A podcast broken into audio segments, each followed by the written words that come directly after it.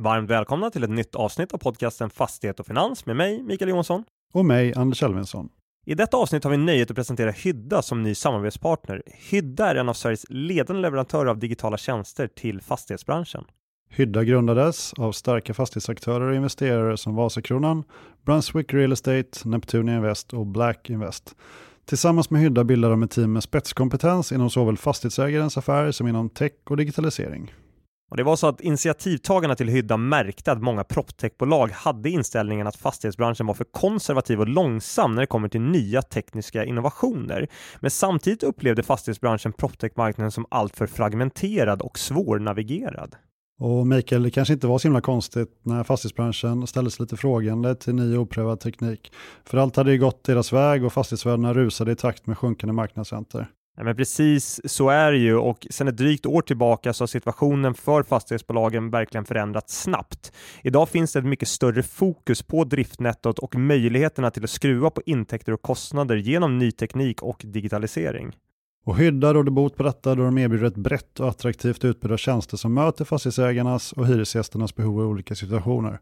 Hydda försöker hela tiden minimera risker och resursslöseri hos sina kunder. Allt Hydda erbjuder ska bidra till ökad hållbarhet och en bättre bottom line och förhoppningsvis till en högre värdering. Och Hyddas resa har ju bara börjat och vi kommer ju följa den med, med stor spänning. Bolaget avser att lansera fler tjänster och samarbeten med fastighetsaktörer och på sikt även börsnoteras. För mer information om Hydda och deras tjänster besök dem på hyddagroup.com.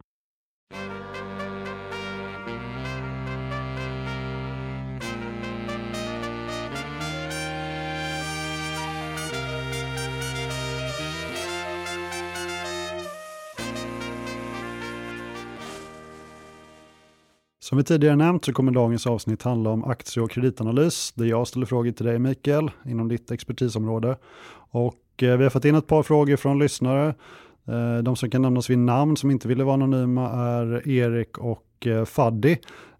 Så det kommer finnas en hel del att tala om idag. Och när vi sågs på ditt kontor här, Arctics kontor alltså alldeles nyss, så var du på ett ovanligt glatt humör Mikael. Hur kommer det sig? Ja, men eh, det får man väl ändå säga att just idag är jag på ett extra glatt humör för att Prospera, som det heter, där är det så att investerare i kreditmarknaden rankar då de kreditanalysteamen som de tycker är den bästa speakingpartnern. Och där kom då beskedet idag att Arctic i Sverige och även i Norge rankas eh, högst av alla eh, investmentbanker och storbankerna, så man är nummer ett bland investerarna. Så stort tack till alla investerare som har deltagit i den omröstningen och det är naturligtvis otroligt otroligt kul för oss på Arctic att, att rankas som nummer ett. Så då kan vi definitivt säga att jag sitter här med en expert som ska svara på mina och eh, lyssnarnas frågor. Det återstår väl att se kanske. Ja, eh, första frågan, om vi tar det från, eh, från eh, allra första början. Hur blir man en aktieanalytiker? Ja, men det är såklart att det varierar väldigt mycket, men jag tror att grundpelaren eh, här är att man måste ha ett brinnande intresse för aktieanalys och för att gräva i bolag. För att det är så att aktieanalys blir lite av en livsstil skulle jag nästan vilja säga snarare än ett jobb om man verkligen vill bli framgångsrik inom eh, det här yrket. Så man måste verkligen genuint tycka att det är kul att gräva i saker och att analysera bolag för att det intresse går nog inte att lura till sig, alltså att lura sig själv, utan det måste genuint finnas ett, ett grundintresse. Och om man pratar mer konkret vad man behöver göra för att komma till en roll som aktieanalytiker så förespråkar jag internship under studietiden om man har möjlighet till det. Själv gjorde jag mitt på eh, Carnegies Corporate Finance-avdelning, var där i ungefär tre månader. Otroligt lärorikt och också någonting jag tror hjälpte mig att få det jobbet jag har idag. Eh, det har jag funderat lite på eh, och jag har ju eh, viss insyn såklart, men hur tjänar en aktieanalytiker pengar? Alltså hur kan man mäta en aktieanalytikers performance internt? Och man har väl ingen egen PNL antar jag? Nej, men precis. Det här brukar eh, många kollegor skoja om ofta, att man är en ren kostnadspost på firman. Eh, så det tycker de om att skoja om. Men en bra analytiker genererar ju mervärde till firman genom att bli just den föredragna personen att prata med om bolag för kunderna, som sedan då ofta väljer att handla via firman vars analytiker man diskuterat just ett case med. Så där kan man ju förhoppningsvis skapa lite intäkter till bolaget i termer av courtage i andrahandsmarknaden. Eh, sedan är det väl värdefullt i, i samband med emissioner att ha en analytiker som folk uppskattar och även vill samtala med. Det skulle jag i alla fall vilja hävda kan göra viss skillnad på volymen som investerarna då väljer att delta med. Så Utöver det så finns det ju även betald analys, så du kan faktiskt dra in intäkter som analytiker om man har ett betalt uppdrag från ett bolag. Men i annat fall är det väl de andra två sakerna jag skulle vilja nämna. Det är ju mer en service till eh, firmans kunder än en intäktsgenererande eh, avdelning. Och du jobbar ju då alltså som aktieanalytiker på en norsk investmentbank. Eh, och då misstänker man ju att det kan vara lite vassa armbågar och, och tuffa arbetstider. Eh, är det så? Är det som på film? Nej, men det med tuffa eller skarpa armbågar. Jag tycker att Arctic har byggt upp ett team som, som är väldigt eh, genuint, försöker göra saker och ting tillsammans. Men det, det är klart att det ibland kan vara, kan vara ett upp, uppskruvad stämning. Och sen när det gäller arbetsmängden. Det här, innan jag, innan jag mer specificerar det, jag ska säga det att det beror väldigt mycket på den enskilda analytikerns ambition och även till viss del erfarenhet samt vilken tid på året vi pratar om. Det går ju såklart upp och ner med hur intensiv eh, arbetsperioden är. Men om man skulle ta en intensiv period som för mig då har varit både februari och mars här, då jobbade man väl någonstans runt 65 till 70 timmar i veckan. Man är på plats någonstans runt 7-7.30 på morgnarna och så jobbar man till 8-9 på kvällarna. Och sen under de här månaderna så går det väl inte en, en helg som man är helledig, utan man är ofta inne och jobbar ett par timmar på, på helgerna. Men sen så finns det ju också naturligtvis naturligtvis lugna perioder, då kanske man snarare är någonstans och jobbar runt 50 timmar i veckan skulle jag säga och ingenting på helgerna. Så att det varierar väldigt mycket och återigen, det varierar mycket beroende på vilken analytiker du frågar. Så du är aktiv på Tinder bara vissa månader på året? det, det är helt korrekt. Vi har ju den norska serien Exit eh, som tydligen baseras på den, den, norska finans och fastighetsbranschen till stora delar. Det du har snappat upp eh, i den svenska finans och fastighetsbranschen, skulle det kunna vara en bra grogrund för att spela in en svensk Exit-serie? Jag misstänker att du vill ha ett annat svar än det du kommer få, men nej, absolut inte. Jag har i alla fall inte befunnit mig i den typen av, av sammanhang som skulle göra att en svensk Exit-version är möjlig. Det måste jag dementera starkt faktiskt. Jag har ju hört en del smaskigt så jag skulle väl kunna bygga upp två karaktärer i alla fall i en svensk serie. Men Mikael, om vi går ner på hantverksnivå då, kan du inte berätta lite om grunderna i hur du gör en analys av ett fastighetsbolag? Alltså mer eller mindre fastighetsanalys for dummies. Ja, men grunderna i all analys nästan till stavas modellering. Eh, förenklat kan man säga att man gissar vilka resultat som ett bolag ska generera, vilket i sin tur då resulterar i att man har estimat för resultaträkningen, balansräkningen och kassaflödet. Och det här kanske låter som, som en enkel sak, men det tar naturligtvis enormt med tid att göra det här för de enskilda bolagen och modeller kan nog bli onödigt komplicerade i vissa fall, men det är såklart väldigt mycket olika parametrar som man tar hänsyn till när man ska försöka lägga de här estimaten som man uttrycker sig. Och det är sedan de estimaten som man använder för att komma fram till ett värde på varje enskilt bolag eh, och vilket då värderingssätt man använder kan variera mellan analytiker och framförallt mellan branscher. Men det är egentligen grund och botten modelleringen som ligger till grund för, eh, för analys. Då blir man ju intresserad som fastighetsvärderare av att veta, är du ute och ser fastigheterna som respektive bolag äger i någon utsträckning eller är det mest siffror på ett papper som du baserar dina analyser på? Det är väldigt svårt att hinna med. Vissa bolag har eh, över tusen fastigheter och man följer eh, normalt som en aktieanalytiker minimum tio bolag skulle jag säga. Så det blir ganska mycket fastigheter att titta på i, i, i sådana fall. Men Exempelvis ska jag faktiskt på måndag till Småland och titta på ett bolags eh, fastigheter och få en liten rundvisning där, så det händer absolut. Och kritiken från vissa av de som jobbar på fastighetsbolagen, det är ju att vi aktieanalytiker är lite för mycket desktop-analytiker och att man skulle vara ute mer och titta just på fastigheterna och förstå hantverket. Och det är klart att den kritiken är väl till viss del eh, befogad. Samtidigt så är ju just fastigheter ganska mycket finans och finansiering också och där har väl vi vi till viss del en edge då, givet där vi sitter. Så att det går att vrida och vända på det här för och nackdelar, men visst är det så att man mest baserar sina analyser på siffror snarare än att vara ute och titta på fastigheterna. En vanlig privatsparare får ju liksom förhålla sig till pressmeddelanden och, och investerar eh, träffar och liknande rapportering från bolagen. Men vilken tillgång har du utöver det till eh, vd och management i bolaget?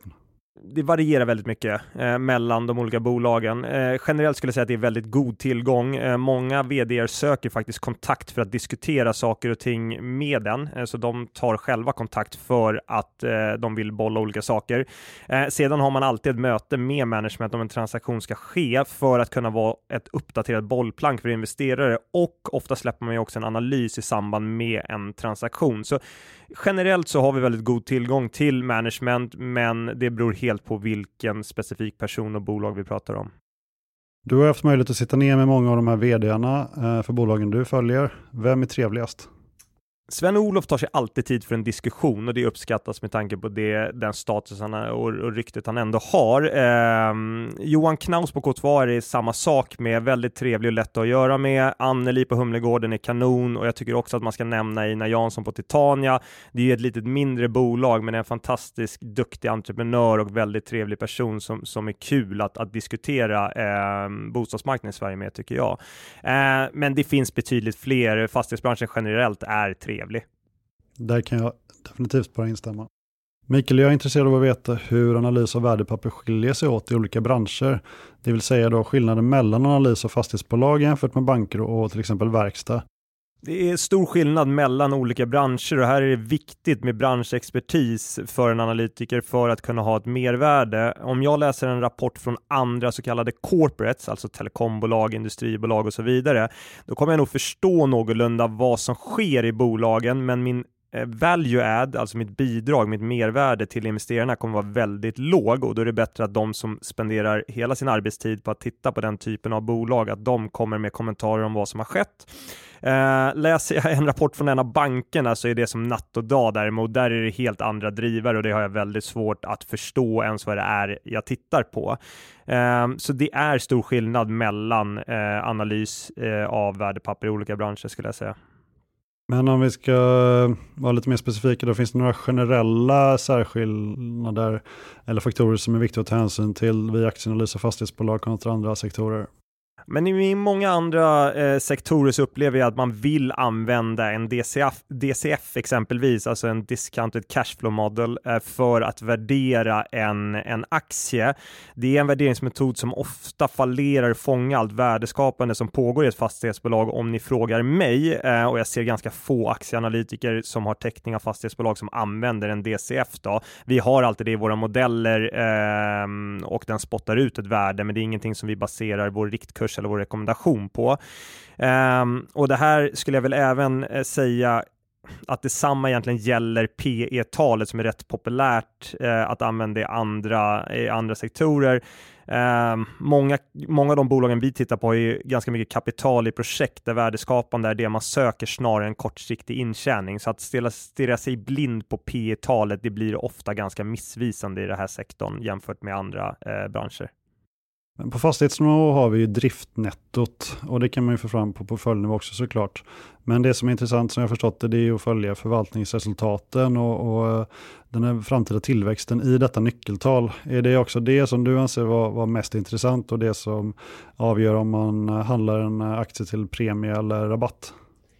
Jag skulle säga att tillväxten i förvaltningsresultat är något som man spenderar mycket tid på. Sen är det alltid en kombination av olika saker och ting, men det är definitivt en av de viktigare delarna och exempelvis en anledning tror jag till att Sagax har haft den premievärderingen som bolaget har haft, eller har ska man säga, i aktiemarknaden idag, just att de har varit väldigt duktiga på att växa Eh, just förvaltningsresultat per aktie. Och ska man lyfta fram så här, tre viktiga nyckeltal eller faktorer när man ställer fastighetsbolagen mot varandra, då skulle väl jag vilja hävda att det man tittar på, det är pris mot substansvärde. Det är pris genom förvaltningsresultat, alltså att man får en multipel på det och det är pris mot operationellt kassaflöde. Historiskt är det så att man har prissatt den här sektorn väldigt, väldigt mycket på just substansvärde som alltså förenklat är eget kapital med uppskjuten skatt Eh, lagd tillbaka och så tittar man på hur mycket det är per egen aktie. Vi har sett en väldigt hög korrelation mellan det substansvärdet per aktie och, och priset per aktien i, eller på börsen historiskt, egentligen fram till pandemiutbrottet. Men det är så att under framförallt då 2021 och 2022 så ser vi att den korrelationen har minskat avsevärt därför att nu litar man inte lika mycket på fastighetsvärdena som vi pratade om i förra avsnittet, att de är korrekta i fastighetsbolagens böcker. Så under 2021 så var börsen övertygad om att de här fastighetsvärdena eh, var eh, för låga i rapporterade siffror, så man handlade sektorn till en kraftig premie och nu har det vänt och istället är en kraftig rabatt mot substansvärde. Så idag skulle jag vilja hävda att man håller sig mycket mer i just pris genom förvaltningsresultat och pris mot eh, operationellt kassaflöde. Så det man skulle kunna kalla för cash earning multiples egentligen. Men ansåg man verkligen eh, då innan det vände att eh, fastigheterna var så felaktigt värderade på, på stycknivå? Jag antar att man ansåg såklart att det fanns en stor eh, premie om man fick köpa ett större bestånd i och med att du då kunde ställa ut obligationer och annat och, få en bra hävstång. Men var det inte också att man såg liksom neverending låga räntor och möjligheter till att växa portföljerna i all oändlighet i princip som gjorde att man handlade aktierna till väldigt stora premier? Ja, det var ju såklart en, en, kombination av saker. De du nämner bidrog absolut, men jag tror även att du satte ganska mycket värde på de olika bolagens projektportföljer och byggrätter, så du prisade in att givet där motsvarande fastigheter handlade på, den, på de avkastningskravnivåerna. Om du då prissatte de här byggrättsportföljerna och säger att du skulle kunna utveckla dem kanske på en, man, man brukar slänga sig med uttrycket yield on cost, alltså vilken avkastning kan man utveckla någonting till och så säga att du kunde utveckla många fastigheter till en avkastning runt 6, 7, kanske till och med 8 procent och så prissatte man dem vid färdigställande med en avkastning runt 3,5 till 5 procent, då betyder det att det var väldigt mycket värdeskapande som man trodde skulle ske under de närmaste åren. Så jag tror att det också var inprisat. Plus att man upplevde att avkastningskraven släpade lite efter i alla fall i rapporterade siffror. Nu när i princip alla noterade bolag utom ett fåtal handlas till en ganska kraftig rabatt då, eh, på aktiekursen mot substansen, eh, så gillar ni analytiker att använda ett uttryck som kallas implicit yield, alltså vad aktiemarknaden anser att de underliggande fastigheterna egentligen då bör gilla. Är det så jag ska förstå det? När man pratar om yield i fastighetssektorn så har jag noterat att när folk använder implicit yield eh, som ett exempel så kan man prata om olika yielder ibland så det är väl bra att förtydliga. Men det du är inne på nu är väl den yielden som vi har spenderat väldigt mycket tid med att titta på senaste året. Och Det man gör då det är att man tar den skatten mot substansvärde som en eh, aktie handlar till då. Och så räknar man om det vad, det vad det egentligen indikerar att börsen tycker att fastighetsportföljen är värd. Och så då då justerar man ner det rapporterade fastighetsvärdet med den eh, implicita rabatten. Och så tittar man på vad portfölj portföljen faktiskt har genererat i intjäning samt förväntas generera intjäning. Och så räknar man den vägen ut en indikativ avkastning. Har arbetet med aktieanalys förändrats under senaste året när makro tagit allt större plats och eh, i känslan att rörelserna har varit och är mer makrodrivna och mindre bolagsspecifika i den här miljön?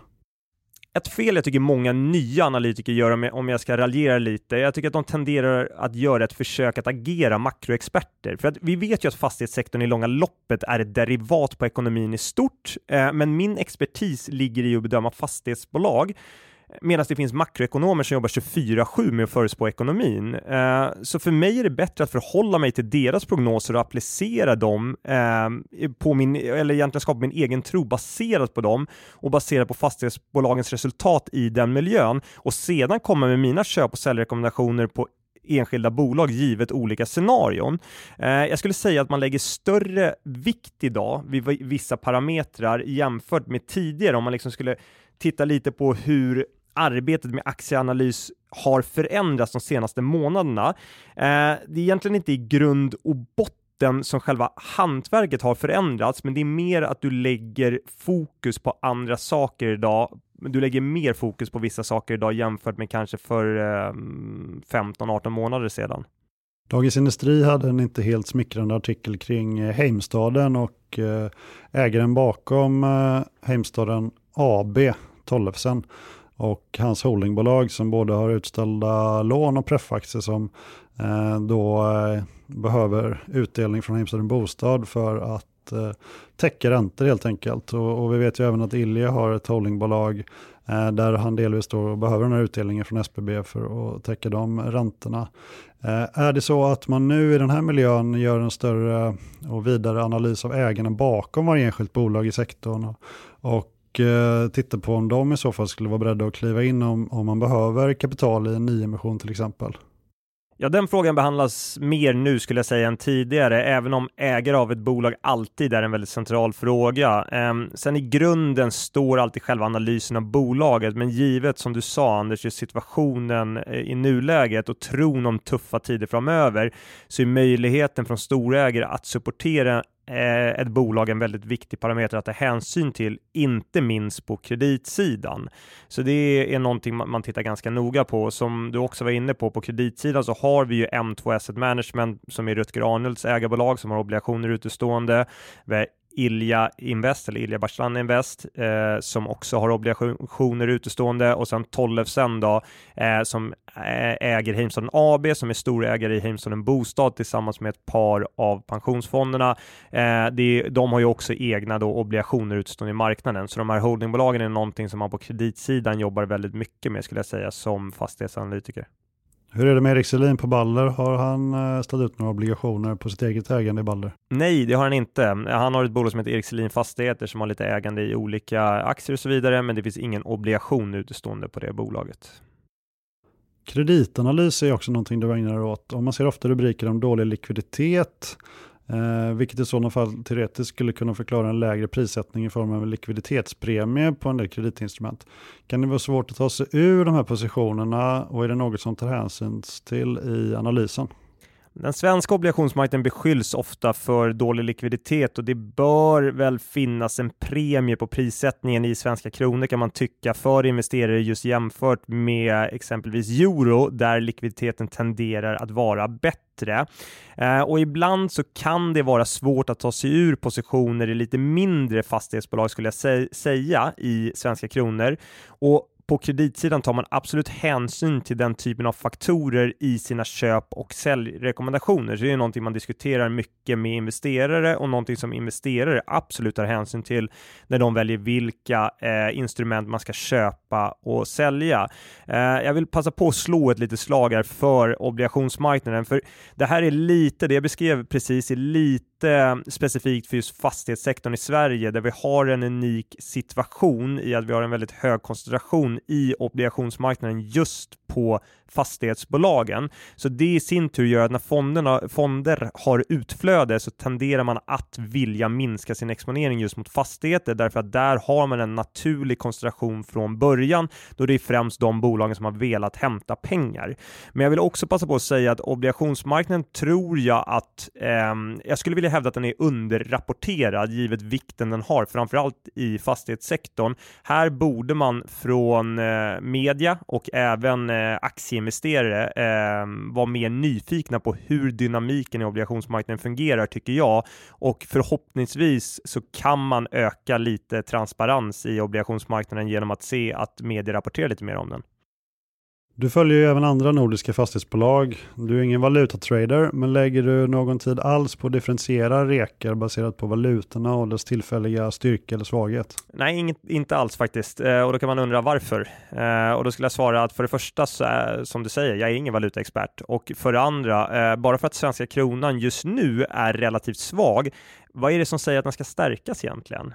Ja, den har väl varit på dekis i tio år i alla fall. Precis, så den har varit på dekis i tio år. Varför ska den helt plötsligt nu hoppa upp? Ehm, så att pratar man också med investerare som tittar på att köpa fastigheter exempelvis i Sverige, det är många av dem som säger att ja, det är väl klart att det kan finnas en uppsida för oss att den svenska kronan är svag just nu, men det är inte det som är avgörande när vi ska köpa, utan det ses mer som en, en liten lott om det skulle spela ut sig på det sättet. Så att jag håller mig till att vara bo bolagsanalytiker och låter andra människor spekulera i valutan.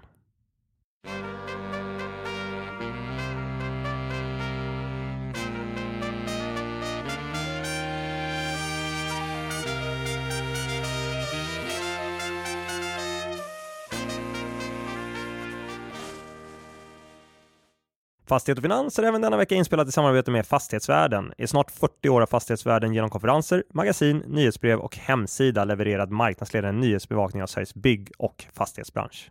Och I detta avsnitt vill vi slå ett slag för Fastighetsvärdens årliga seminariedag i Göteborg som går av stapeln den 27 april, vilket innebär att det fortfarande finns gott om tid att anmäla sig.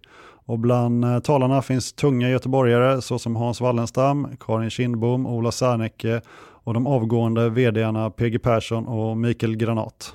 Jag var faktiskt nyligen nere i Göteborg och slogs av den aktivitet som sker på Göteborgsmarknaden, både vad gäller byggnation av nya kontorshus men även de större pågående infrastrukturprojekten. Det kokar ju verkligen i grytan nere i Göteborg. Ja, jag kan inte annat än att instämma. Jag är uppvuxen i Kungälv strax norr om Göteborg och känner knappt igen mig längre när jag är nere på besök. Eh, och det är intressant att följa utvecklingen ur ett fastighetsperspektiv där de nyproducerade kontorshusen lockar till sig hyresgäster från de mest centrala delarna, vilket gjort att kontorsvakansen i Göteborgs CBD nu återfinns på 11 procent. Så det ska bli intressant att se hur fastighetsägarna agerar framåt i syfte att försvara driftnetton och värderingar. Vi kan varmt rekommendera er att ta del av de senaste nyheterna från fastighetsbranschen genom fastighetsvärldens olika kanaler.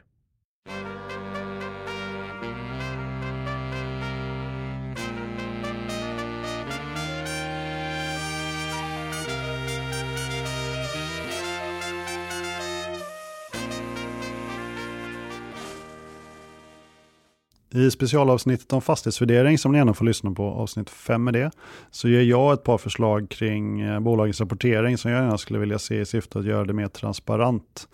Eh, tycker du Mikael att det finns förändringar som du skulle vilja se för att göra ditt jobb enklare? Eller är snarare otydligheten i vissa fall en fördel för dig i ditt jobb? Eh, där du därmed kan vara den som gräver djupast och vet mest och därmed kan ge bäst rekar?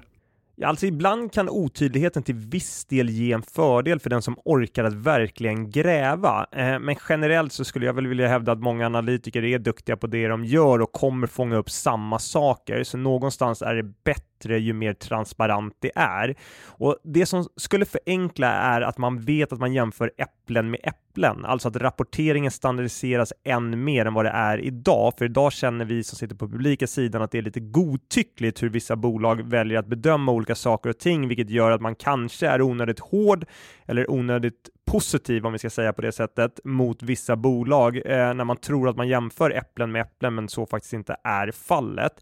Så i dagens marknad skulle jag vilja ha mycket mer information om hur räntehedgarna faktiskt ligger samt som vi varit inne på då i avsnitt 5. Jag skulle vilja ha mycket mer transparens kring värderingarna, för som det är idag får man nästan bara ett avkastningskrav genomsnittligt på portföljen och ska försöka dra slutsatser baserat på det. En annan fråga vi fått in är, anser du att blankare och specifikt blankningsfirmor som publicerar ibland dåligt underbyggd eller till och med felaktig research är brottslingar eller aktörer som behövs i en sektor som fastighetssektorn där exempelvis redovisningsprinciper diskuteras allt mer och där alla investerare kanske inte har tillgång till all nödvändig information? Jag har väl egentligen ingen åsikt om blankers vara eller inte vara. Ibland lyfter de fram saker värda att highlighta och i vissa fall är det uppenbart att de vinklat analysen felaktigt eh, slash då frångått fakta för att göra sitt säljcase starkare. Och i de fallen tycker jag väl att det blir direkt missvisande faktiskt. Analys ska i grund och botten vara underbyggda åsikter där man har använt fakta för att dra sina egna slutsatser, men att presentera sina egna slutsatser som fakta blir ett problem, vilket sker i vissa av de här blankningsrapporterna som har publicerats på slutet och framförallt det mest berömda är väl Viceroy och SBB. Och exempelvis då så bröt vi på Arctic ned Viceroy-kritiken mot SBB och hittade en del direkta felaktigheter, samtidigt som en del av deras kritik eh, bevisade sig då vara befogad. Men jag tror att det är ganska viktigt när man läser de här äh, blankningsrapporterna att man gör det med, ska vi kalla det för objektiva ögon och är medvetna om vad deras agenda är när de presenterar den typen av analys. Men det är ju så att ni också ibland ställer ut säljrekommendationer, eh, även om de är väl underbyggda. Eh, så är det ju inte helt olikt eh, det till exempel Viceroy ägnar sig åt när vi bortser från språkbruk och en del löseboliner boliner i det de publicerar. Nej, men det är väl det sista där som är viktigt. Eh, en säljrekommendation är förhoppningsvis baserad på en nyanserad analys där man efter att ha gjort sina estimat och då varit objektiv kommit fram till att aktien inte är köpvärd. Eh, Viceroy startar ju med målbilden att man bara ska visa negativa saker för att få ner kursen, så jag tycker att det är en ganska viktig skillnad i, tillvä i eh, tillvägagångssättet eh, om vi ska jämföra de två eh, exemplen. Ja, det är ju ingen objektiv granskning de ägnar sig åt. Är det nuvarande sentimentet kring ett bolag en del av analysen och kan det användas för att bygga upp ett case? Men sentimentet kring en aktie kan absolut vara anledning till att bygga ett case där man i nedtryckta fall kan räkna, räkna fram ett övervärde i bolaget som är svårare då när, när aktien står högt och ibland kan det faktiskt vara att du har kommit fram till att värdet på ett bolag är då eh, en, en viss nivå per aktie, en viss krona per aktie och då kanske när aktien handlar i linje med det så tycker du inte att den är speciellt köpvärd, men sen så kanske sentimentet är negativt, aktien handlar ner ganska rejält och helt plötsligt så anser du fortfarande att värdet på bolagen inte har förändrats, men uppsidan är ganska stor för att aktien har handlat ner. Så att sentimentet kring en aktie är absolut någonting, eller ska vi säga nivån på aktien är absolut någonting man tar med i själva analysen. I inledningen av detta avsnitt så nämnde du betalanalys Mikael och Eh, jag är såklart intresserad. Förekommer det i fastighetsbranschen och vad är din syn på detta? Jajamän, eh, vi på Arctic har den tjänsten också faktiskt. Eh, jag har egentligen inga problem med det då vissa bolag är underanalyserade och generellt så tror jag att bolag tjänar på att ha ett par analytiker som följer dem. Ehm, och ofta i de här eh, betalanalyserna så jobbar man ju utan rekommendationer och man har inte en riktkurs utan man jobbar med en värderingsrange istället. Så det är självklart väldigt viktigt i de här analyserna att det framgår att bolaget har betalat för det, men eh, jag kan med handen på hjärtat säga att om vi får in ett betaluppdrag eller om det är ett bolag som inte betalar så gör vi analysen på exakt samma sätt. Det är bara att i den betalda versionen så har vi inte en riktkurs, vi har en värderingsrange och vi har ingen köp eller säljrekommendation. Nu närmar sig rapporterna för första kvartalet 2023. Vilka nyckeltal tycker du kommer vara mest intressanta att ta del av och vilka är dina förväntningar? Ja, men intäkterna är intressanta för att kunna backtracka just KPI-justeringarna som har varit väldigt mycket fokus på. Där kommer man kunna räkna baklänges och se hur mycket man faktiskt har fått ut på topplinjen. Eh, jag tycker även att tillväxten i jämförbart bestånd blir eh, mer intressant än normalt för där kan man då se lite hur man har lyckats hålla sina lokaler uthyrda, alltså om det är genom att sänka hyror för att behålla hyresgäster eller om man till och med har haft press uppåt på hyrorna så kan det säga ganska mycket om intjäningen i bolaget under året som kommer. Sen är alla tecken på operationell svaghet av högsta intresse. Jag pratar om vakansgrader, jag pratar om nettouthyrning och även BD-orden kommer bli väldigt intressanta. Och som en sista poäng så, så måste vi såklart nämna finansieringen också som vi kommer titta väldigt mycket på. Vad har hänt med räntekostnader? hur ser räntetäckningsgraden ut, har man möjlighet att refinansiera sina lån etc. etc. Vi spelar in det här avsnittet torsdagen den 13 april och redan imorgon kommer ju den första rapporten i sektorn då Atrium Ljungberg släpper sin Q1 så det blir naturligtvis väldigt intressant att följa den och eh, eventuell read-through för övriga rapporter som kommer senare. Och det gör ju Anders naturligtvis att vi kommer vara tillbaka snart med ett nytt avsnitt för att avhandla de första rapporterna.